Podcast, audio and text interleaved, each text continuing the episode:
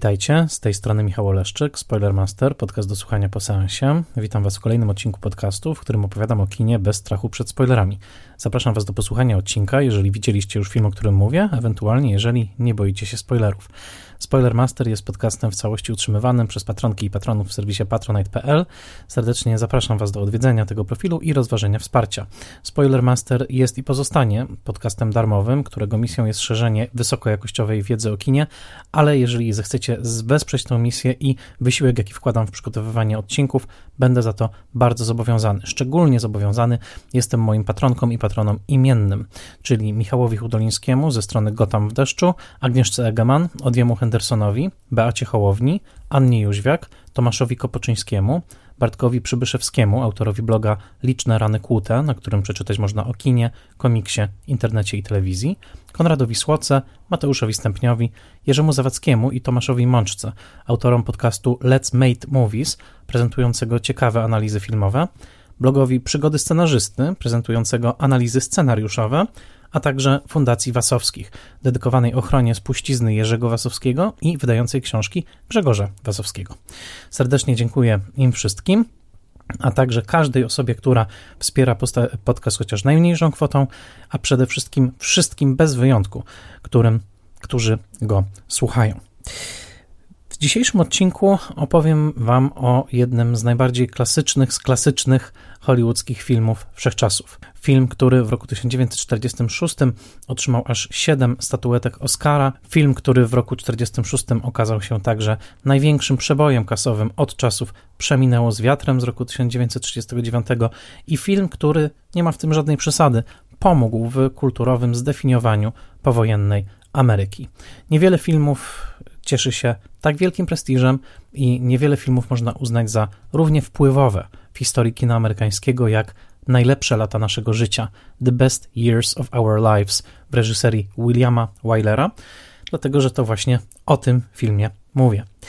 Przygotowując się do tego odcinka, sięgnąłem przede wszystkim do monografii tego filmu wydanej przez BFI Film Classics pióra Sary Kozlow, The Best Years of Our Lives, do książki Roberta Warshawa, The Immediate Experience, do biografii reżysera filmu Williama Wylera A Talent for Trouble The Life of Hollywood Most Acclaimed Director William Wyler e, autorstwa Jana Hermana, a także do anglojęzycznej Wikipedii i do płyty Blu-ray wydanej w Stanach Zjednoczonych przez Warner Brothers Archive, o, e, dzięki której od niedawna można obejrzeć najlepsze lata naszego życia po raz pierwszy w jakości HD.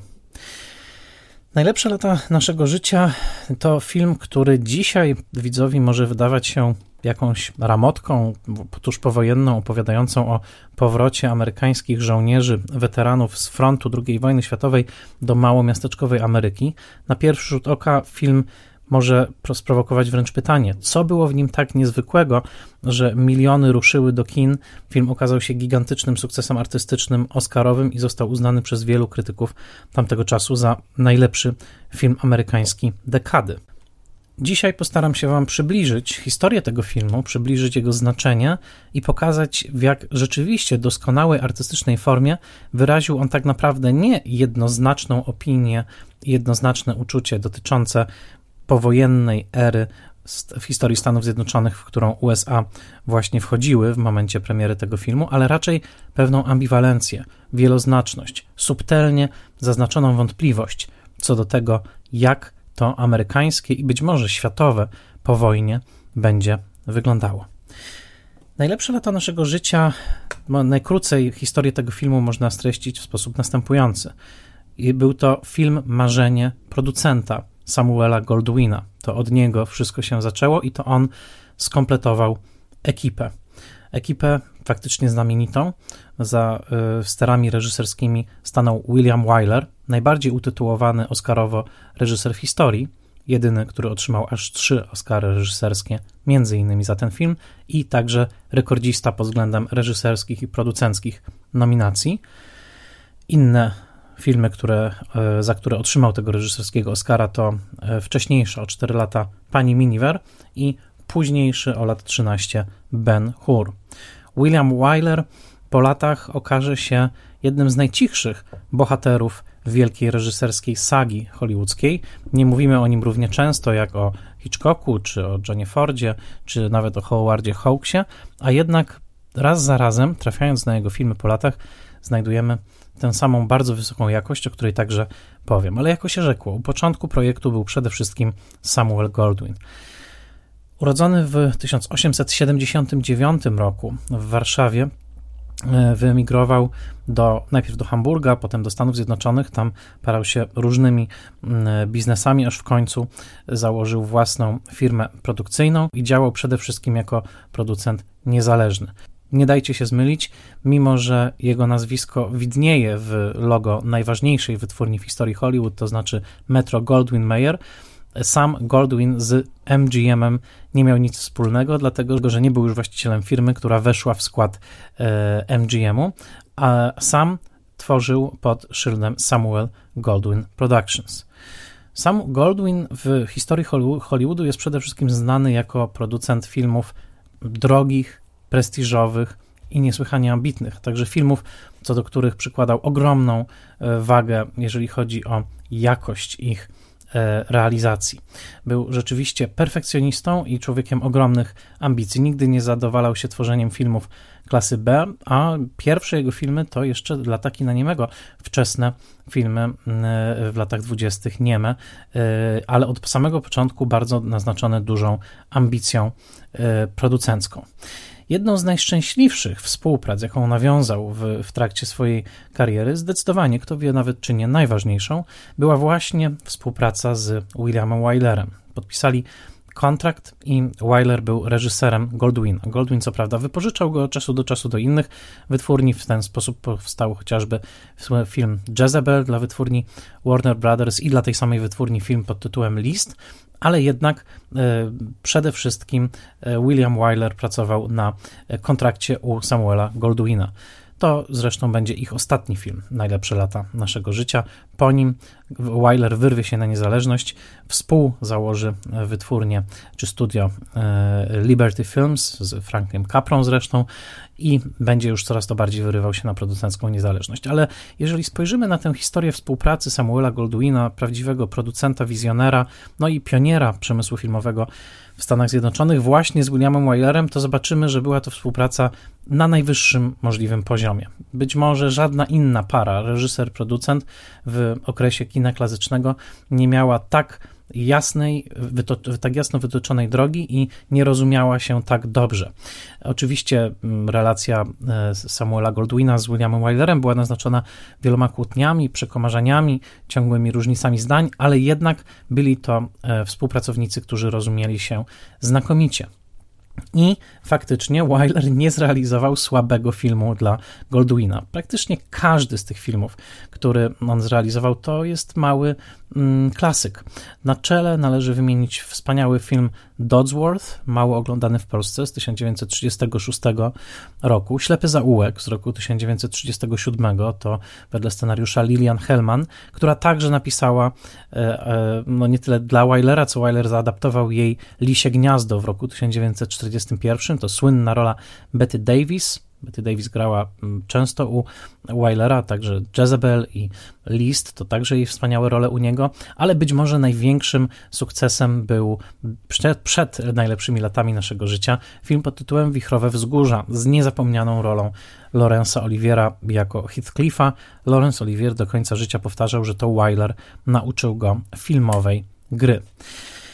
Zanim jednak doprecyzuję, na czym dokładnie polegał pomysł Goldwina i dlaczego współpraca z Wylerem była tak szczęśliwa w przypadku najlepszych lat naszego życia, jeszcze jeden kontekst. Mianowicie kontekst biografii samego Wylera, która w przypadku tego konkretnego filmu jest wybitnie ważna. O ile niektóre projekty w historii filmografii Wylera nie wydają się szczególnie naznaczone osobistym stosunkiem do tematu, czy osobistą historią, która stałaby za tymi filmami. No, konia z rzędem temu, kto znajdzie osobisty pierwiastek w jego słynnym Oscarowym Ben Hurze chociażby. Ale w tym w przypadku tego filmu pierwiastek osobisty jest zdecydowanie bardzo ważny i można powiedzieć, że wielkość i głębia najlepszych lat naszego życia wypływa w dużej zmierze z tego, że Wyler pod wieloma względami wiedział, o czym opowiada, czuł to, co opowiada i dzielił się troskami ze swoimi widzami, co do których faktycznie e, e, miał dużo żywotnych i skomplikowanych e, uczuć. A zatem kim był William Wyler? młodszy od Goldwina o dobrych 20 parę lat.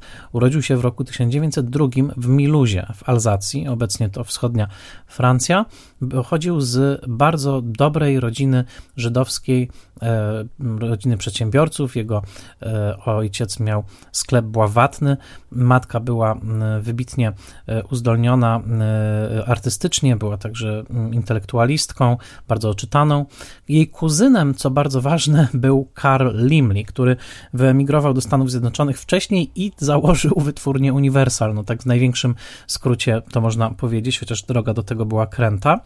Tak czy inaczej, Weiler miał iść no, do biznesu bławatnego, Willy, Willy w zasadzie, bo on się urodził w Miluzie jako Willy Weiler w roku 900 902. Natomiast e, tak się złożyło i szczęśliwie dla historii kina się złożyło, że Karl Limley, który już działał mocno w Hollywood, odwiedził swoją kuzynkę, matkę e, Williego w E, właśnie w Miluzie i e, po, to było tuż po nieudanej próbie przekonania Williego do poprowadzenia sklepu bławatnego i wciągnięcia go w biznes ojca. E, matka trochę rozłożyła ręce, mówiąc, no ten nasz Willi, wiesz, Karl, on nie nadaje się do niczego. Karl powiedział, chłopcze, pojedź ze mną do Stanów Zjednoczonych. No, w latach dwudziestych, wtedy to się działo, nie było bardziej podniecającego zdania, jak chodź ze mną pojedziemy do Ameryki. No, Ameryka była wtedy tak dynamicznie rozwijającym się krajem i tak błyskawicznie mnożącym swoje bogactwa i kapitał kulturowy mocarstwem, że na samo to wezwanie dalekiej Ameryki, czekającej za oceanem, w młodym Wylerze, jak sam zresztą potem mówił, krew zaczęła szybciej krążyć i oczywiście się zgodził. To była przygoda życia i postanowił ją podjąć. Najpierw pracował w biurze w Nowym Jorku, w biurze swojego wuja, ale e, koniec końców trafił do Hollywood, gdzie dosłownie zaczynał od zamiatania, e, zamiatania planów filmowych, Mm, taką pracę załatwił mu wuj, po czym powolutku piął się w górę. W biografii, którą przytoczyłem na samym początku, jest ciekawa anegdota, jak Weiler opowiada, kiedy to na początku lat 20., pracując właśnie jako taki trochę przynieś, podaj, pozamiataj w wytwórni stryja, zaczął się fascynować montażem i patrzył na wyrzucane z montażowni fragmenty wyciętych scen pewnym momencie zauważył, że montażyści często wychodzą, żeby zapalić papierosy, żeby zrobić sobie przerwę od pracy, ponieważ oczywiście papierosów nie wolno było palić w montażowni. Wszystkie materiały filmowe były bardzo łatwopalne. Zaczął z nimi rozmawiać, oni narzekali, że fajnie by było popalić trochę przy pracy, a nie co chwilę wychodzić na papierosa, no ale nie mogą, bo takie przepisy, no nie chcemy iść z dymem. Więc e, Weiler wymyślił, i tutaj już od razu widać jego pomysłowość, ale też pewien dowcip, wymyślił specjalną miedzianą rurkę, którą specjalnie poprowadził inżyniersko z wnętrza montażowni na zewnątrz i e, skonstruował jednym, jednym słowem mechanizm do palenia papierosów przez ścianę, przez tę miedzianą rurkę, przez co e, ci montażyści, przynajmniej w opowieści Weilera, być może jest apokryficzna, podpalali sobie w trakcie montażu, jednocześnie nie ryzykując pożaru. Ta anegdota jest symptomatyczna, bo Wyler przez całe swoje reżyserskie życie będzie przede wszystkim pragmatykiem. Nie miał w sobie nic primadonny, nie miał w sobie też niczego z takiej gromkiej, e, groźnej osobowości, z jaką mogliśmy kojarzyć nawet Józefa von Sternberga czy innych mistrzów wczesnego kina. Wyler był bardzo wydajny i był bardzo szanowany wśród swoich kolegów, reżyserów za jedną rzecz, którą faktycznie wszyscy wszyscy często wymieniają, mianowicie za dobry smak, za dobry gust. Troszeczkę kojarzy mi się on z bohaterem innego odcinka, mianowicie z reżyserem Normanem Jewisonem, reżyserem w Upalną Noc i wpływu księżyca. Często o nim także mówiło się w ten sposób, że co prawda jego filmy nie są brawurowe w swoich technikach opowieści, ale że kieruje się on tak nienagannym dobrym gustem i świadomością tego, jakiego efektu potrzebuje, czy to od scenografa, czy kostiumografa, czy od aktora, że zawsze bezbłędnie trafia w dziesiątkę po prostu takim cichym uporem i próbowaniem do skutku. I rzeczywiście, jak patrzymy na filmy Weilera, to tak jest, ale on sam mówił, że, jak to mówi się czasami w branży filmowej, nabił sobie rękę, kręcąc dziesiątki, no może przesadziłem, ale kilkadziesiąt ich było, około 30 średniometrażowych westernów dla wytwórni Universal w latach dwudziestych. To są filmy nieme, w dużej części zaginione, e, filmy, w których on po prostu ćwiczył. Ćwiczył montaż, ćwiczył um, ruchy kamery, ćwiczył opowiadanie e, wizualne i w ten sposób uczył się rzemiosła. Na początku lat 30. on już debiutuje swoim swoimi pierwszymi filmami, idąc jakby w górę tej hierarchii, tak, od, chciałoby się powiedzieć, pucybuta do milionera, w pewnym sensie, od zamiatacza planu aż po e, reżysera i e, w latach 30. zaczyna się rzeczywiście jego wspaniała passa. Pierwszym wybitnym filmem Weilera jest film pod tytułem Counselor at Law. Wybitny film, który widziałem wiele lat temu. Nie pamiętam z niego wielu szczegółów, ale zdecydowanie pamiętam wybitną rolę Johna Barrymora w roli, e, w roli głównej. To jest rok 1933, ale cała dekada lat 30., jak na nią spojrzymy, to właściwie każdy kolejny film Weilera jest lepszy od poprzedniego. Jest to, to filmy reżyserowane bardzo pewną ręką, bez żadnych nawet nie tyle wulgarnych efektów, ale żadnych przerysowanych scen.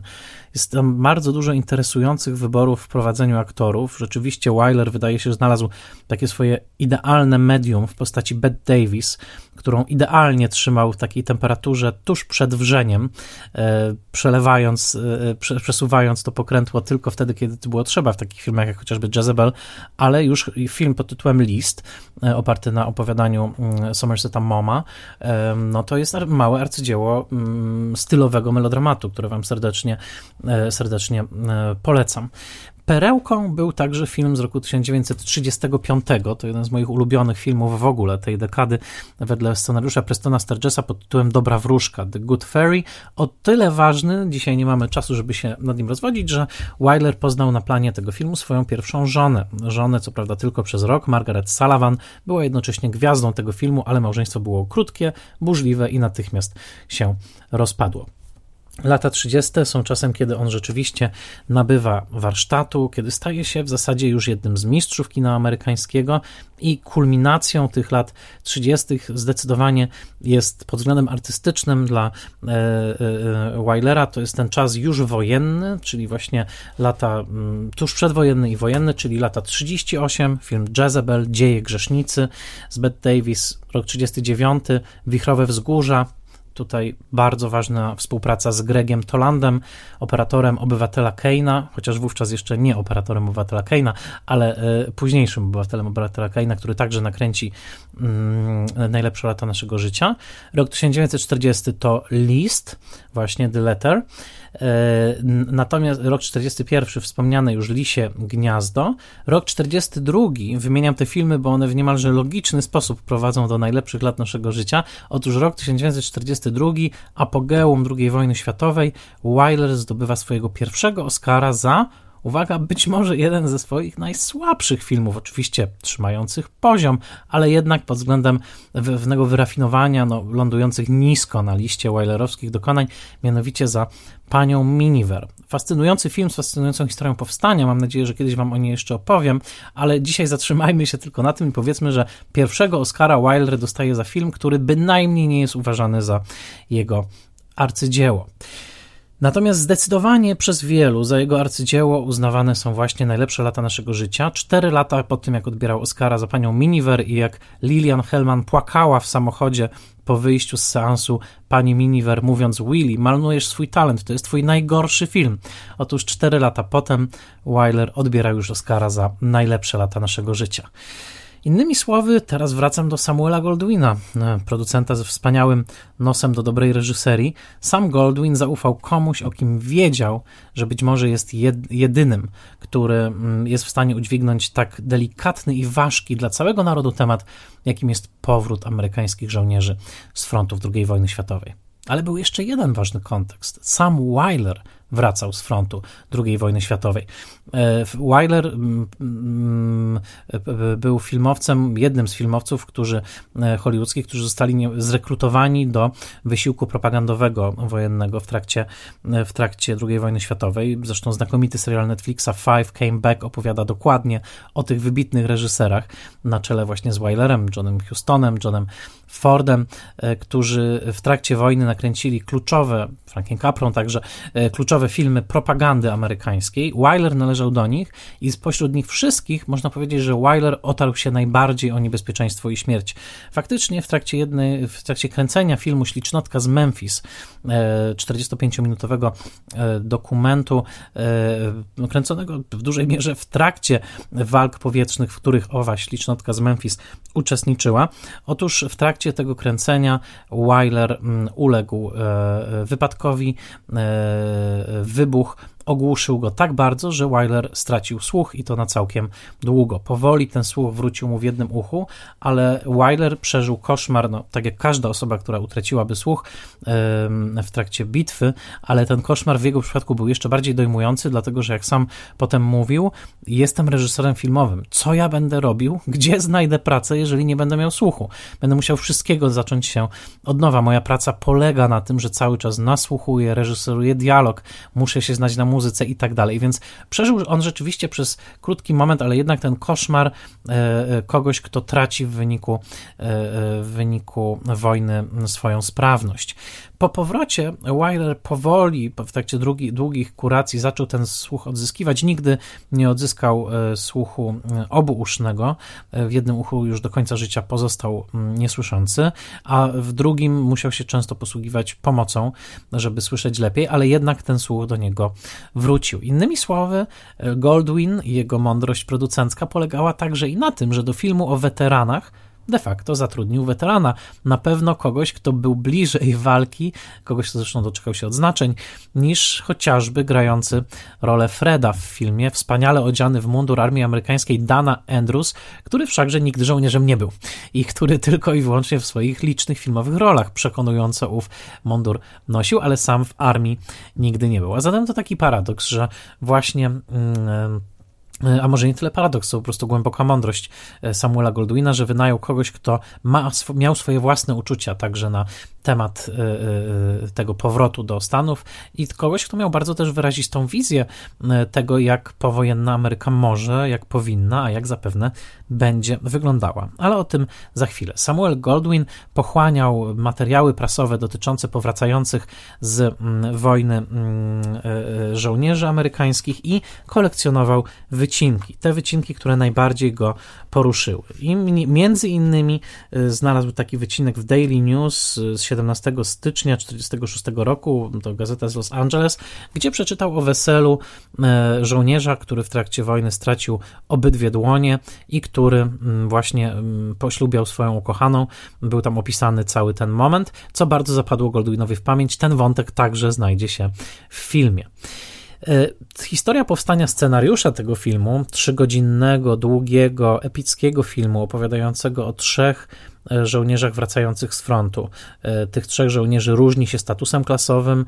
Najwyżej na tej drabinie stoi Al, grany przez Frederika Marcha, troszkę niżej stoi z klasy średniej Homer, grany przez Harolda Russella i stosunkowo najniżej, choć w hierarchii wojskowej trochę wyżej, ale jednak materialnie sytuowany gorzej, e, bohater Fred, grany przez Dane Andrewsa. Otóż ta historia, zanim nabrała takiego kształtu, tak jak mówię, rozległej, trzygodzinnej, kameralnej, ale jednak intensywnie opowiedzianej w takiej długiej przestrzeni czasowej opowieści, otóż najpierw musiał powstać materiał literacki. I tutaj ciekawa jest historia powstania, bo to nie jest tak, że ktoś usiadł i napisał scenariusz. Nie, najpierw była powieść. Powieść McKinleya Cantora, która już powstawała jakby z myślą o tym, że będzie to film, ale powieść przedziwna, zresztą dostępna na Kindle za parę dolarów. Przeczytałem jej spore fragmenty, chociaż nie, nie przebrnąłem przez całość, od razu mówię, bo jest to rzecz bardzo mocno e, przykryta dużą warstwą kurzu. Otóż nie jest to taka zwykła powieść. E, odnajdujemy w niej główne wątki, e, te, które zobaczymy w filmie, ale przede wszystkim trzeba powiedzieć, uwaga, że jest to powieść napisana białym wierszem w całości. Nazywa się Glory for Me, czyli chwała dla mnie. I powiem tak, nie jest to za dobra poezja, tak, trzeba to stwierdzić. Jest to bardzo podniosłe, chwilami przedziwnie fizjologiczne. Jest między innymi scena, w której e, oderwane pociskiem jądro e, jednego kolegi e, na froncie leci w stronę drugiego i jest to opisane w taki dziwnie sensacyjny sposób.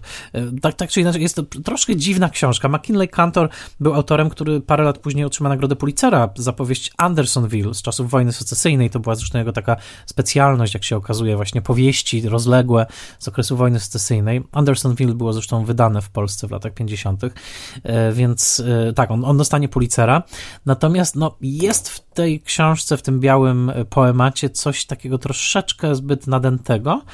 No i to także wyczuł E, chociaż książka trafiła do księgarni w ogóle i była dobrze, dobrze się sprzedawała, ale wyczuł tutaj mm, Goldwyn to, że to jeszcze nie jest ten materiał. Poprosił, e, poprosił kantora o napisanie scenariusza. Kantor napisał ten scenariusz, o czym przez lata nie mówiono. To Sara Kozlow w swojej książce w trakcie przygotowań dotarła do tego scenariusza i na podstawie tego scenariusza, który także okazał się nieadekwatny, zdaniem producenta, inny pisarz, o wiele bardziej utytułowany w tym momencie, Robert Sherwood, napisał gotowy, napisał ostateczny scenariusz. Odbierze za niego zresztą Oscara. Roberta Sherwooda my w Spoilermasterze trochę znamy, bo to jest ten taki bardzo wysoki pan, liczący sobie ponad 2 metry wzrostu, który zasiadał przy słynnym stoliku Algonquin w hotelu Algonquin, okrągłym stole. Odsyłam do odcinka o Manku Davida Finchera, o tym słynnym e, kręgu intelektualnym, którego częścią był także Herman Mankiewicz, Dorothy Parker i inni. Sherwood był także bodajże najwyższym, jeżeli chodzi o wzrost, członkiem tego, e, tego stowarzyszenia. Innymi słowy, jeżeli pamiętacie odcinek o Manku, albo jeżeli słyszeliście cokolwiek o hotelu Algonquin i tym okrągłym stole, można założyć bez pudła. Sherwood był wybitnie inteligentny. Jeżeli to was nie przekonuje, przynależność do najbardziej elitarnego literackiego kręgu w historii Stanów Zjednoczonych, to dorzucę jeszcze nie jedną, nie dwie, ale trzy nagrody Pulitzera, które Sherwood otrzymał na przestrzeni lat 30, 40? Nie, na przestrzeni lat 5. Był to niesłychanie utytułowany dramatopisarz, trzy nagrody Pulitzera już w momencie, kiedy Goldwyn zlecał mu napisanie właśnie e, filmu. Co więcej, miał także niezły rekord, jak to się mówi z angielska, filmowy, dlatego że chociażby Skamieniały Las także z Betty Davis i Humphreyem Bogartem z roku 1936 to właśnie Sherwood, a także najsłynniejszy jego e, wkład filmowy, to znaczy współautorstwo scenariusza do Oscarowej Rebeki Alfreda Hitchcocka z roku 1940. E, to także słynny, słynny wkład Roberta mm, Sherwooda. A zatem spójrz, do, do, tego dorzućmy Grega Tolanda, który już był po e, fantastycznie przyjętych i także Oscarowych, nie wszystkich przypadkach, ale jednak zdjęciach do Gron Gniewu Johna Forda, do Obywatela Keina, odsyłam do odcinka o obywatelu Kane, Orsona Wellesa i także mm, tutaj w roku 46, no i do Wychrowych Wzgórz samego Weilera. W roku 46 można powiedzieć Toland, który niestety zginie e, wkrótce później, w wieku lat 44, przedwcześnie, e, kręci w pewnym sensie swoje arcydzieło, to znaczy o tyle, o ile nic nie przebije obywatela Keina pod względem pewnej popisowości i barokowości zdjęć, o tyle pod względem takiego wychłodzonego, ale totalnego, tolandowskiego klasycyzmu nic nie prześcignie najlepszych lat naszego życia. Na czym ten klasycyzm polegał, jeżeli już mówimy o zdjęciach i warstwie obrazowej? Otóż Toland doszlifował te rzeczy, które ćwiczył wcześniej z zapamiętaniem ULS-a między innymi, mianowicie bardzo długie ujęcia z dużą głębią ostrości, innymi słowy to, co widoczne jest na pierwszym planie, jest równie ostre jak to, co widoczne na planie bardzo, bardzo dalekim, e, a także e, popisy w dyskretnych ruchach kamery, które chwilami rzeczywiście, jak na rok 46, są niesłychanie wyrafinowane. Odsyłam chociażby do sceny w najlepszych latach naszego życia, w, których, e, w której Virginia Mayo i Teresa Wright siedzą w e, toalecie damskiej, takiej luksusowej, e, pudrują noski, rozmawiają. Rozmowa jest zresztą dosyć dramatyczna, a kamera ukazuje je na przemian w trzech lustrach, w których się odbywają, e, odbijają. To jest e, jedno ujęcie, nieprzerwane. Do dzisiaj można się zastanowić, jak oni to zrobili, że jest to tak płynne i nie, no, kamera się nie odbija w, w lustrze, tak? A jednocześnie mamy tak subtelne przesunięcia hierarchii i pozycjonowania ciał bohaterek względem siebie. Jeżeli nawet nie obejrzycie całego filmu Best Years of Our Lives, ale wpiszecie na YouTubie hasło Best Years of Our Lives Mirror Scene, to naprawdę do dzisiaj można się tą bardzo delikatnie, ale jednak mistrzowsko nakręconą e, sceną z licznymi lustrami i właśnie tym przesunięciem kamery, które co chwilę, można powiedzieć, dokonuje pewnej roszady na tej szachownicy i sprawia, że bohaterka, która była po lewej, obecnie jest po prawej i tak dalej, i tak dalej. To wszystko wygląda naprawdę znakomicie i to jest ogromny wkład Grega Tolanda, który co więcej trafił na reżysera uwielbiającego długie ujęcia. I tutaj dochodzimy już powoli do sedna tego, co czyni styl najlepszych lat naszego życia tak istotnym, ważnym i do dzisiaj często zdumiewającym. Mianowicie długie, nieruchome ujęcia. Nie takie ujęcia, które możemy kojarzyć z tak zwanego slow cinema, gdzie przez kamera może się wpatrywać nawet przez minutę w nieruchomą ścianę czy framugę drzwi. Nie, to są zawsze ujęcia, w których dużo się dzieje, w których zwłaszcza postaci ze sobą rozmawiają, wchodzą w interakcję, ale właśnie są to długie ujęcia. Nie polegają na takim typowym montażowym oszustwie, jakim jest e, e, ciągłe przeskakiwanie od ujęcia do przeciwujęcia i tworzenia pewnej przestrzeni czy rytmu, którego pomiędzy samymi aktorami na planie nigdy nie było. Nie, ujęcie trzyminutowej rozmowy sfilmowane przez trzy minuty w jednym nieprzerwanym ujęciu z dwójką aktorów dobrze widocznych chociażby po przeciwnych stronach stołu, to jest wyższa szkoła jazdy, także aktorska, także reżyserska. Nikt się nie może pomylić nawet o ułamek sekundy. I w tym filmie takich ujęć jest ogromnie dużo. Niektóre z nich do dzisiaj pozostają absolutnie mistrzowskie. Zwrócę Waszą uwagę na dwa. Spójrzcie proszę na momenty, w których dowiadujemy się, orientujemy się w kalectwie Homera, granego przez Harolda Russella, o którym za chwilkę więcej, rzeczywiście okaleczonego w trakcie wojny, rzeczywiście pozbawionego na tym etapie życia dłoni, faktycznie posługującego się protezami przypominającymi takie dwa haki.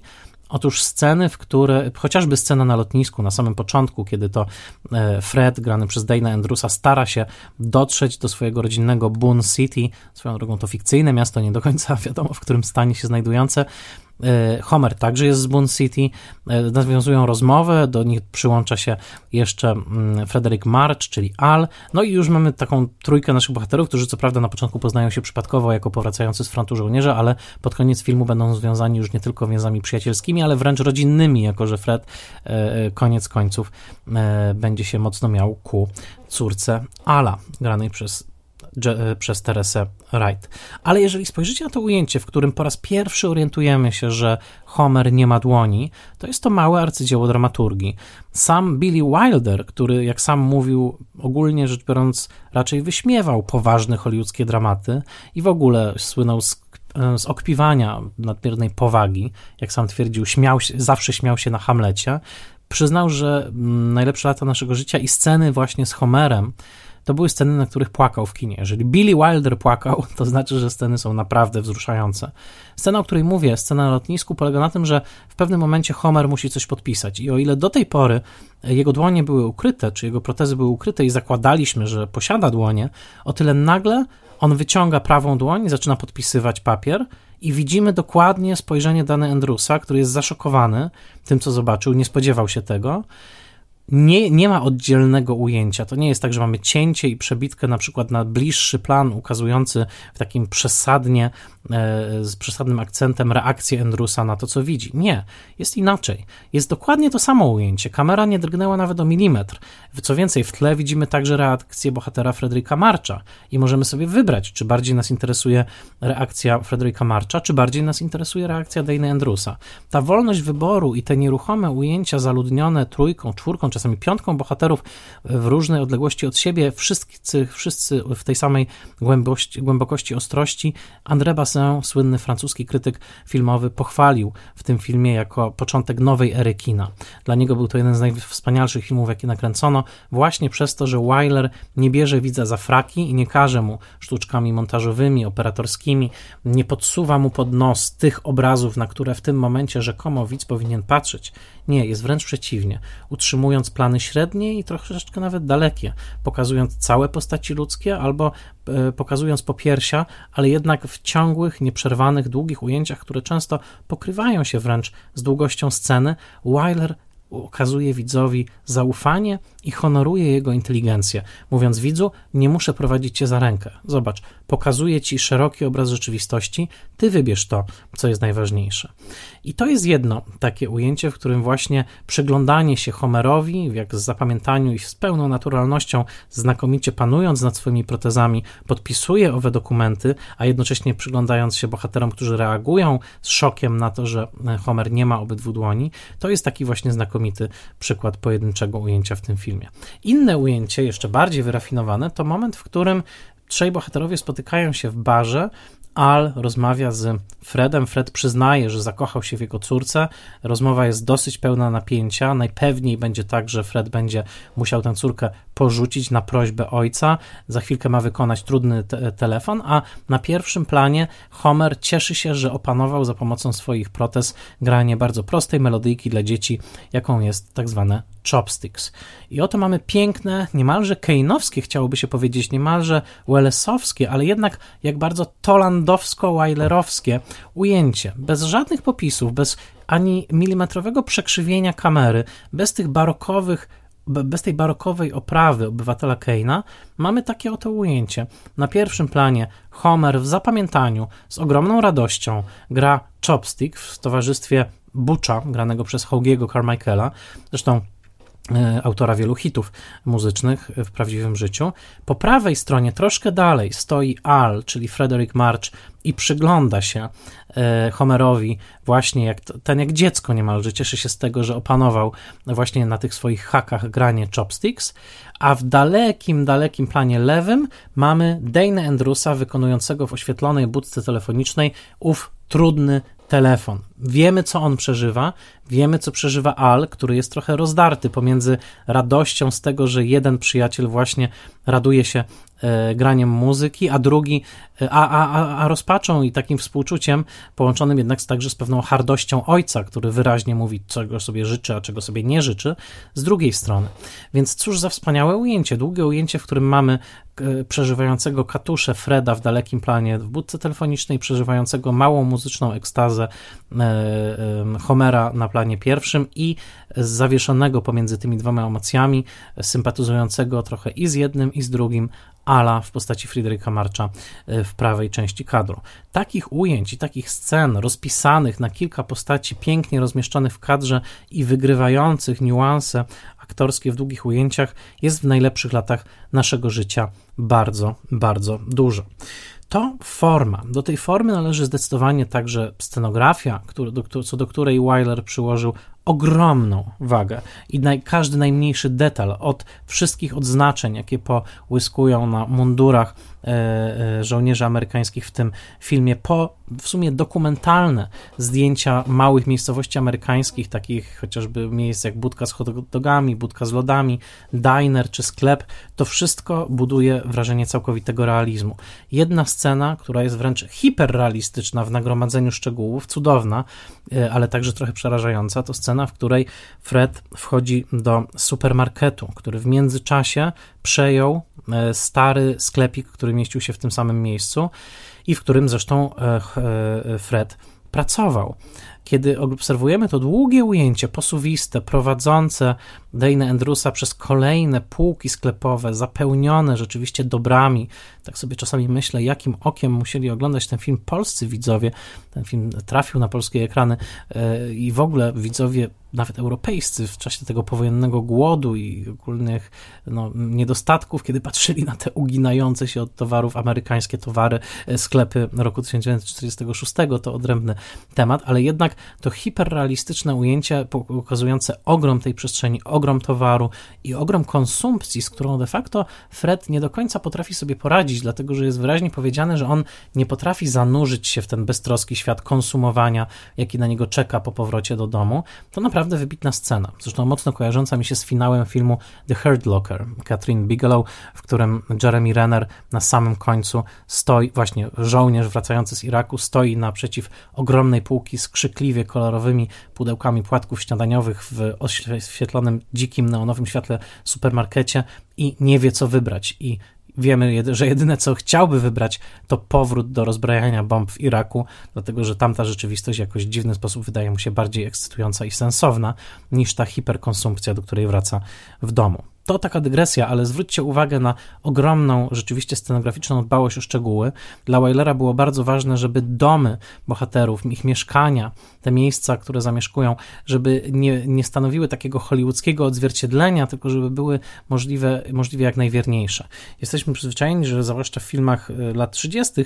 domy bohaterów mają tak rozległe wnętrza, że czasami wydaje się, że są większe nawet niż zewnętrza tych domów. Natomiast tutaj zadbano o to, żeby framugi drzwi były obniżone, żeby proporcja przedmiotów była odpowiednia. To są wnętrza powojennej Ameryki, powierzchnie powojennej Ameryki takie, które dla widzów tamtego czasu, nawet dla takich, którzy zarzucali temu filmowi niedostateczny ogień polityczny, a nawet pewną reakcyjność, takich jak chociażby Robert Warshaw, nawet ci niechętni filmowi krytycy przyznawali, że powierzchnia amerykańskiego życia, taka jego pewna, pewien naskórek został oddany w tym filmie z większym realizmem niż najprawdopodobniej w jakimkolwiek innym hollywoodzkim filmie do tej pory. Robert Warshaw nienawidził tego filmu, twierdził, że jest za bardzo melodramatyczny i że tak naprawdę sugeruje, że lekarstwem na e, społeczne problemy weteranów są tylko i wyłącznie ich prywatne decyzje, a nie żadne systemowe działanie. Warshaw był bardzo lewicującym krytykiem, więc ten wniosek mu się nie podobał, ale nawet on przyznawał, że tak wyglądającego i brzmiącego filmu amerykańskiego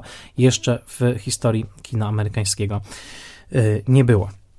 I teraz, skoro mamy mniej więcej nakreśloną formę, dodałbym oczywiście do tego jeszcze muzykę Hugo e, Friedhofera, bardzo też oszczędnie używaną w porównaniu z innymi filmami tego czasu, wręcz minimalistycznie używaną, bo tylko w jednej trzeciej filmu ją mamy użytą, pozostałe dwie trzecie są bez muzyki, to otrzymujemy taki film rzeczywiście nakręcony z ogromną powściągliwością, z dużym natężeniem emocjonalnym, bo mamy aż trzy historie mężczyzn, którzy nie potrafią się odnaleźć w rzeczywistości e, po powrocie do domu, a jednocześnie e, film, który zwrócił uwagę na swój czas, był naprawdę odważny, także w prezentowaniu chociażby mm, e, ludzkiego ciała i pewnych tematów związanych z cielesnością.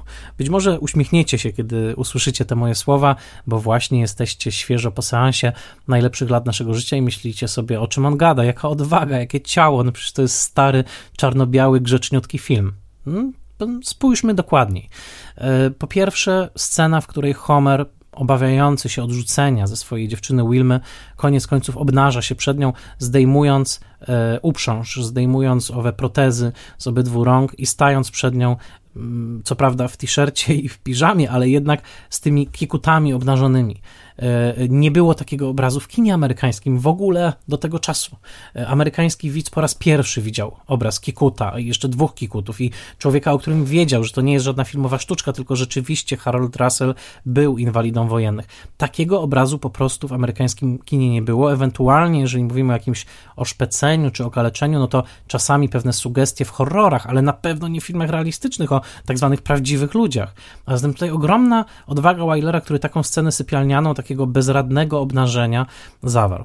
A jednocześnie zwróćcie uwagę, że są wyraźne sugestie tego, że żona Freda lekko się prowadziła w trakcie jego nieobecności. On wręcz podejrzewa chyba, że ona mogła nawet być prostytutką w tamtym czasie, ale także jest wyraźnie powiedziane, że on nie satysfakcjonuje jej seksualnie. Jest, y, a zwłaszcza po powrocie, ona mówi, że życie z niego uciekło, ale w języku lat 40. i takiego pewnego mrugania do widzów było to jasne, że po powrocie ona nie odnajduje w nim tej samej atrakcyjności. Zresztą jedno spojrzenie na niego w cywilnym stroju, ona go znała tylko jako żołnierza, mówi wszystko. No, to spojrzenie Virginii Mayo mówi, słuchaj, ty nie jesteś facetem, tak można powiedzieć najkrócej. A zatem pewne, e, pewien e, typ seksualnych także problemów. A e, jeszcze jeden wątek, mianowicie wątek córki Ala, czyli Teresy Wright, Peggy, która, co jest bardzo wyraźnie, oczywiście ona jest uformowana na idealną amerykańską dziewczynę, która ma odpowiednią mm, ilość odwagi, pewnego dowcipu, ale także, o czym mówi jej matka, słuchaj, do, do, do ojca, słuchaj, ona już wszystko wie, ona pracuje w szpitalu, wie więcej niż myśmy wiedzieli w jej wieku. Innymi słowy, jest taka sugestia, że e, ona posiada wiedzę seksualną, tak? Ona być może jest jeszcze dziewicą, to nie jest wykluczone, ale ogólnie rzecz biorąc, ona wie, nie jest, nie jest niewinna, wie dokładnie e, e, te fakty, tak zwane facts of life, tak? Czyli fakty biologiczne, seksualne, które dziewczyna w jej wieku już powinna wiedzieć. Tego także nie uświadczymy w kinie amerykańskim wcześniejszym, żeby sugerować, że de facto no, mm, młoda dziewczyna, jeszcze mieszkająca z rodzicami, ale już posiada pewną pełną wiedzę na temat tego, czym seksualność jest, to też jest tutaj bardzo istotne. I mm, patrząc na ten film z tej perspektywy, jest to rzeczywiście film realistyczny. Na tyle, na ile realistyczny mógł być film w roku 1946. Co więcej, to jest film, który pokazuje, że ta powierzchnia życia amerykańskiego roku 1946 nie jest taka różowa. Po pierwsze, weterani mają problemy ze znalezieniem pracy. Po drugie, są delikatne pytania w tle w ogóle o działanie kapitalizmu, takiego do jakiego wracają bohaterowie.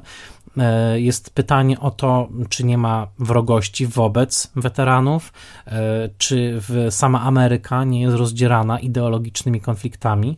No i tutaj odpowiedzi na wszystkie te pytania są dosyć niewesołe. Po pierwsze, wcale ta ekonomiczna sytuacja tych weteranów nie wygląda jakoś e, różowo. Po drugie, jest wyraźne wskazanie na to, że są także w Stanach ruchy niemalże profaszystowskie, które życzyłyby sobie, żeby druga wojna miała inny przebieg i żeby to Stany Zjednoczone walczyły był u boku Hitlera. Wyraźnie jest to pokazane w scenie, w której ktoś podchodzi do Homera i mówi mu dokładnie taką teorię, na co Homer reaguje walnięciem go w szczękę i zabraniem mu przypinki z amerykańską flagą. Ten moment, zbliżenie na czubek haczyka protezy Homera, która podnosi z wielkim pietyzmem tę przypinkę z amerykańską flagą, niemalże jak ratując ją jako relikwię wyrwaną z dłoni kogoś, kto na ten e, symbol nie zasłużył, jest bardzo emblematyczna dla tego filmu. A zatem jest ten temat, jest temat tego, jak działa w ogóle kapitalizm w Ameryce. Zwróćcie uwagę, że kiedy Al wraca do pracy bankowej, nagle ma przed sobą e, rolnika nazwiskiem Nowak, swoją drogą, który także jest weteranem i bardzo chciałby e, wziąć kredyt, pożyczkę na to, żeby rozkręcić swoją własną farmę, swój własny agrobiznes. No ale bank mówi, zasady bankowe przynajmniej mówią, no nie, nie, musisz dać coś w zastaw. On mówi, no ale nie mam nic w zastaw, no, no właśnie chcę pożyczyć, żeby mieć.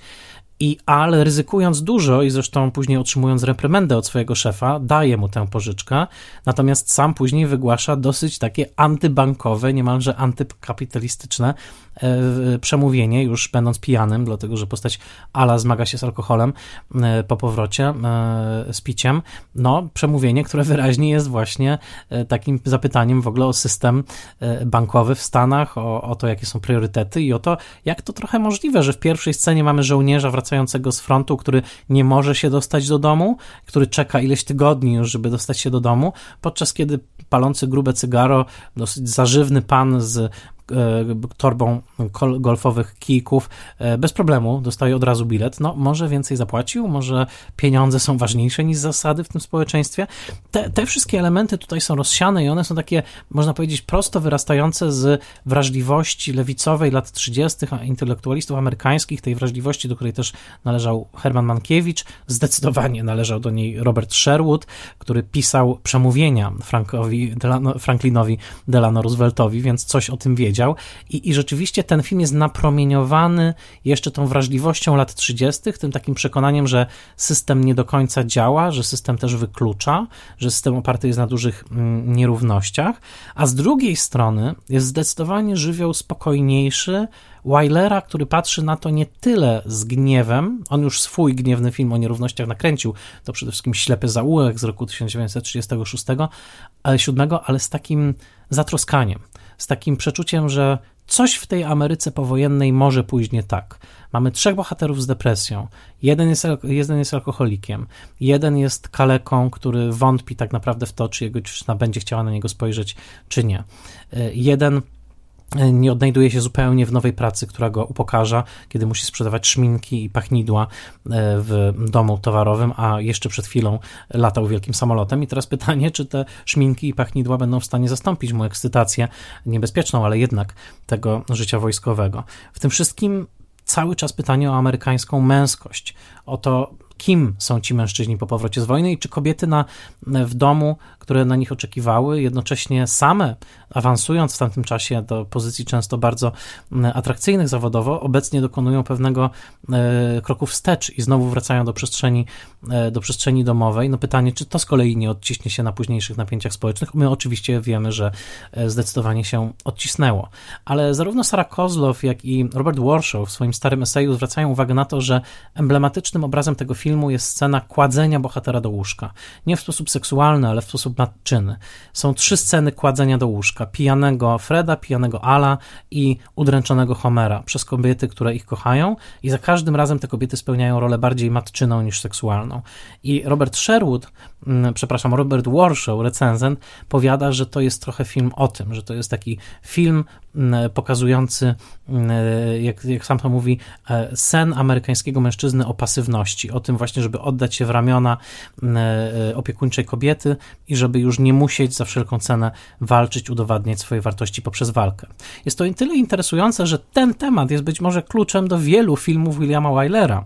Jeżeli spojrzycie na niektóre z nich, jak chociażby na nagrodzoną Złotą Palmą przyjacielską perswazję z roku 56, to dokładnie ten temat y, odrzucenia przemocy i chęci zatopienia się w takim kwakierskim świecie pozbawionym y, przemocy i, i nierówności jest także, y, jest także pewnym napędowym silnikiem, ale to nie jest temat to nie jest temat na dzisiaj.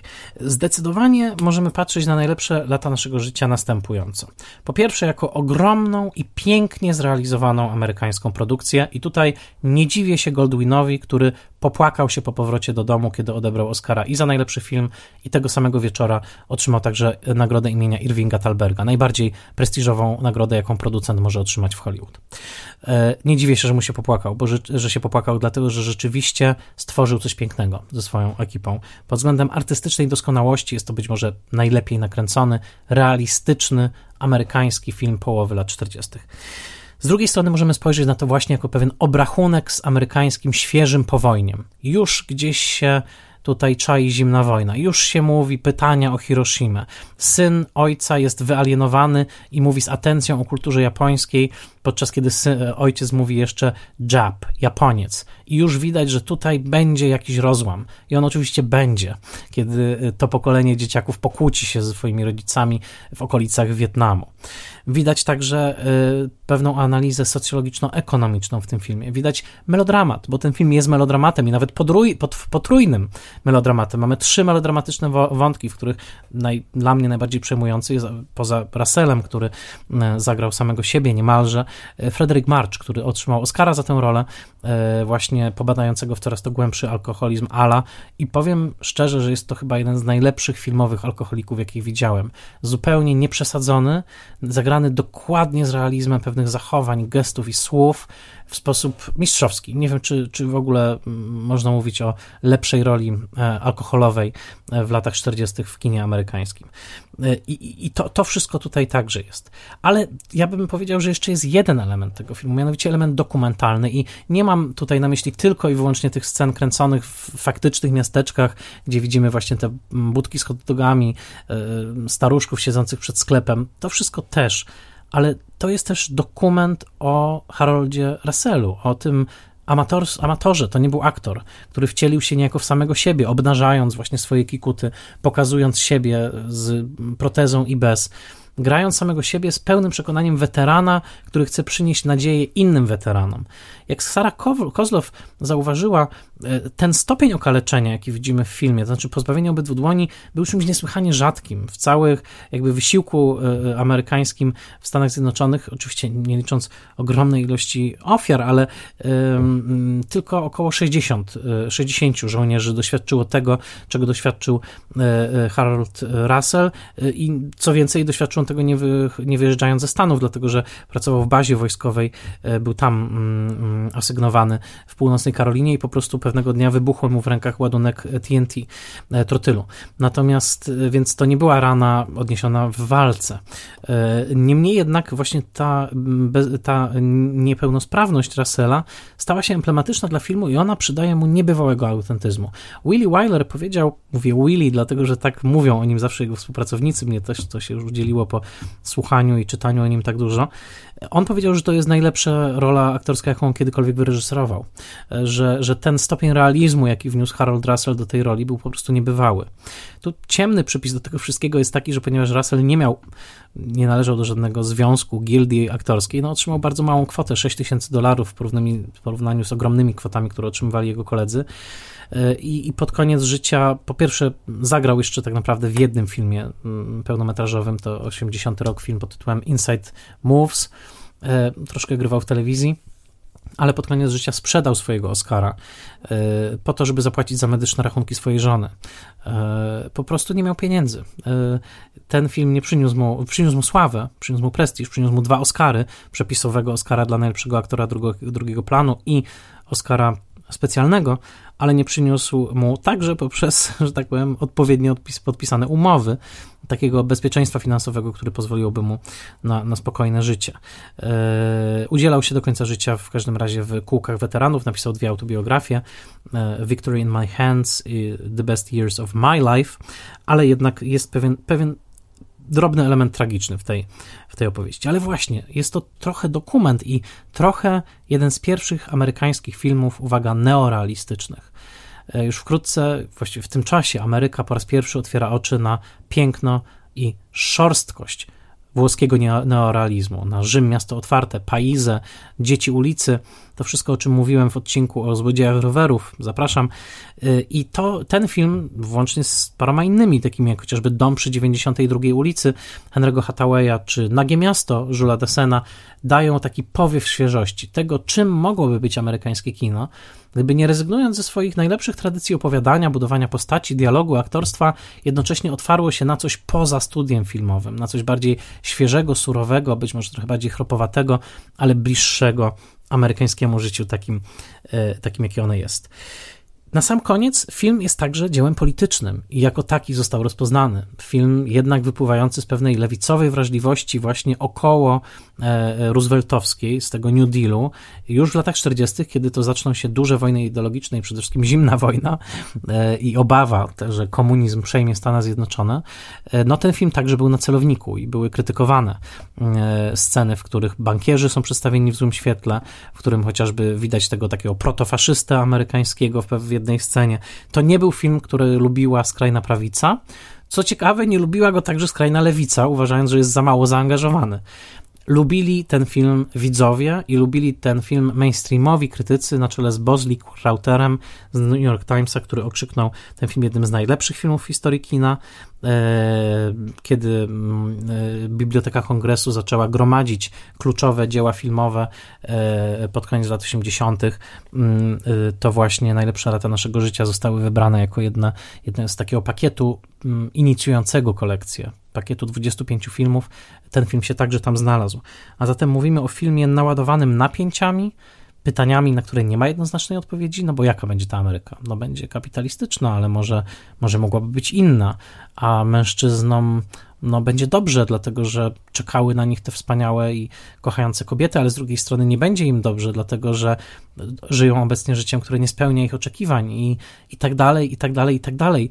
I emblematyczna dlatego scena na cmentarzysku wraków samolo samolotów, bombowców, które już nie wylecą w akcji, w, w kokpicie jednego z których siada w pewnym momencie Fred, przypominając sobie dźwięki wojenne odtworzone wspaniale w ścieżce dźwiękowej Hugo Friedhofera. To jest taka scena streszczająca ten film, bo mamy tak naprawdę mężczyznę umieszczonego w maszynie, maszynie, która jest złomem, jest do wyrzucenia, maszynie do zabijania, maszynie do budowania potęgi Stanów Zjednoczonych, ale maszynie, która już jest niepotrzebna. Tak jak być może niepotrzebny jest już ten weteran, a przynajmniej jak on czuje się, że jest niepotrzebny. Scena jest piękna.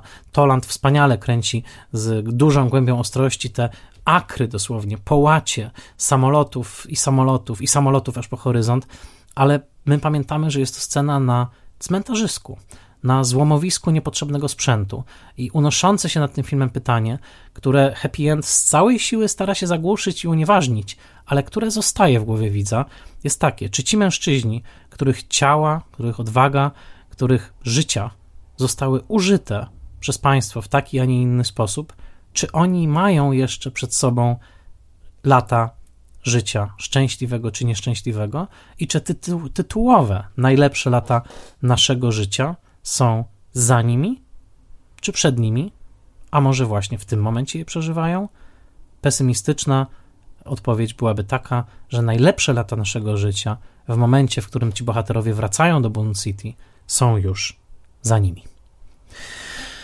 Mam nadzieję, że spodobał Wam się ten odcinek Spoilermastera o Oscarowym e, filmie Najlepsze lata naszego życia Williama Waylera.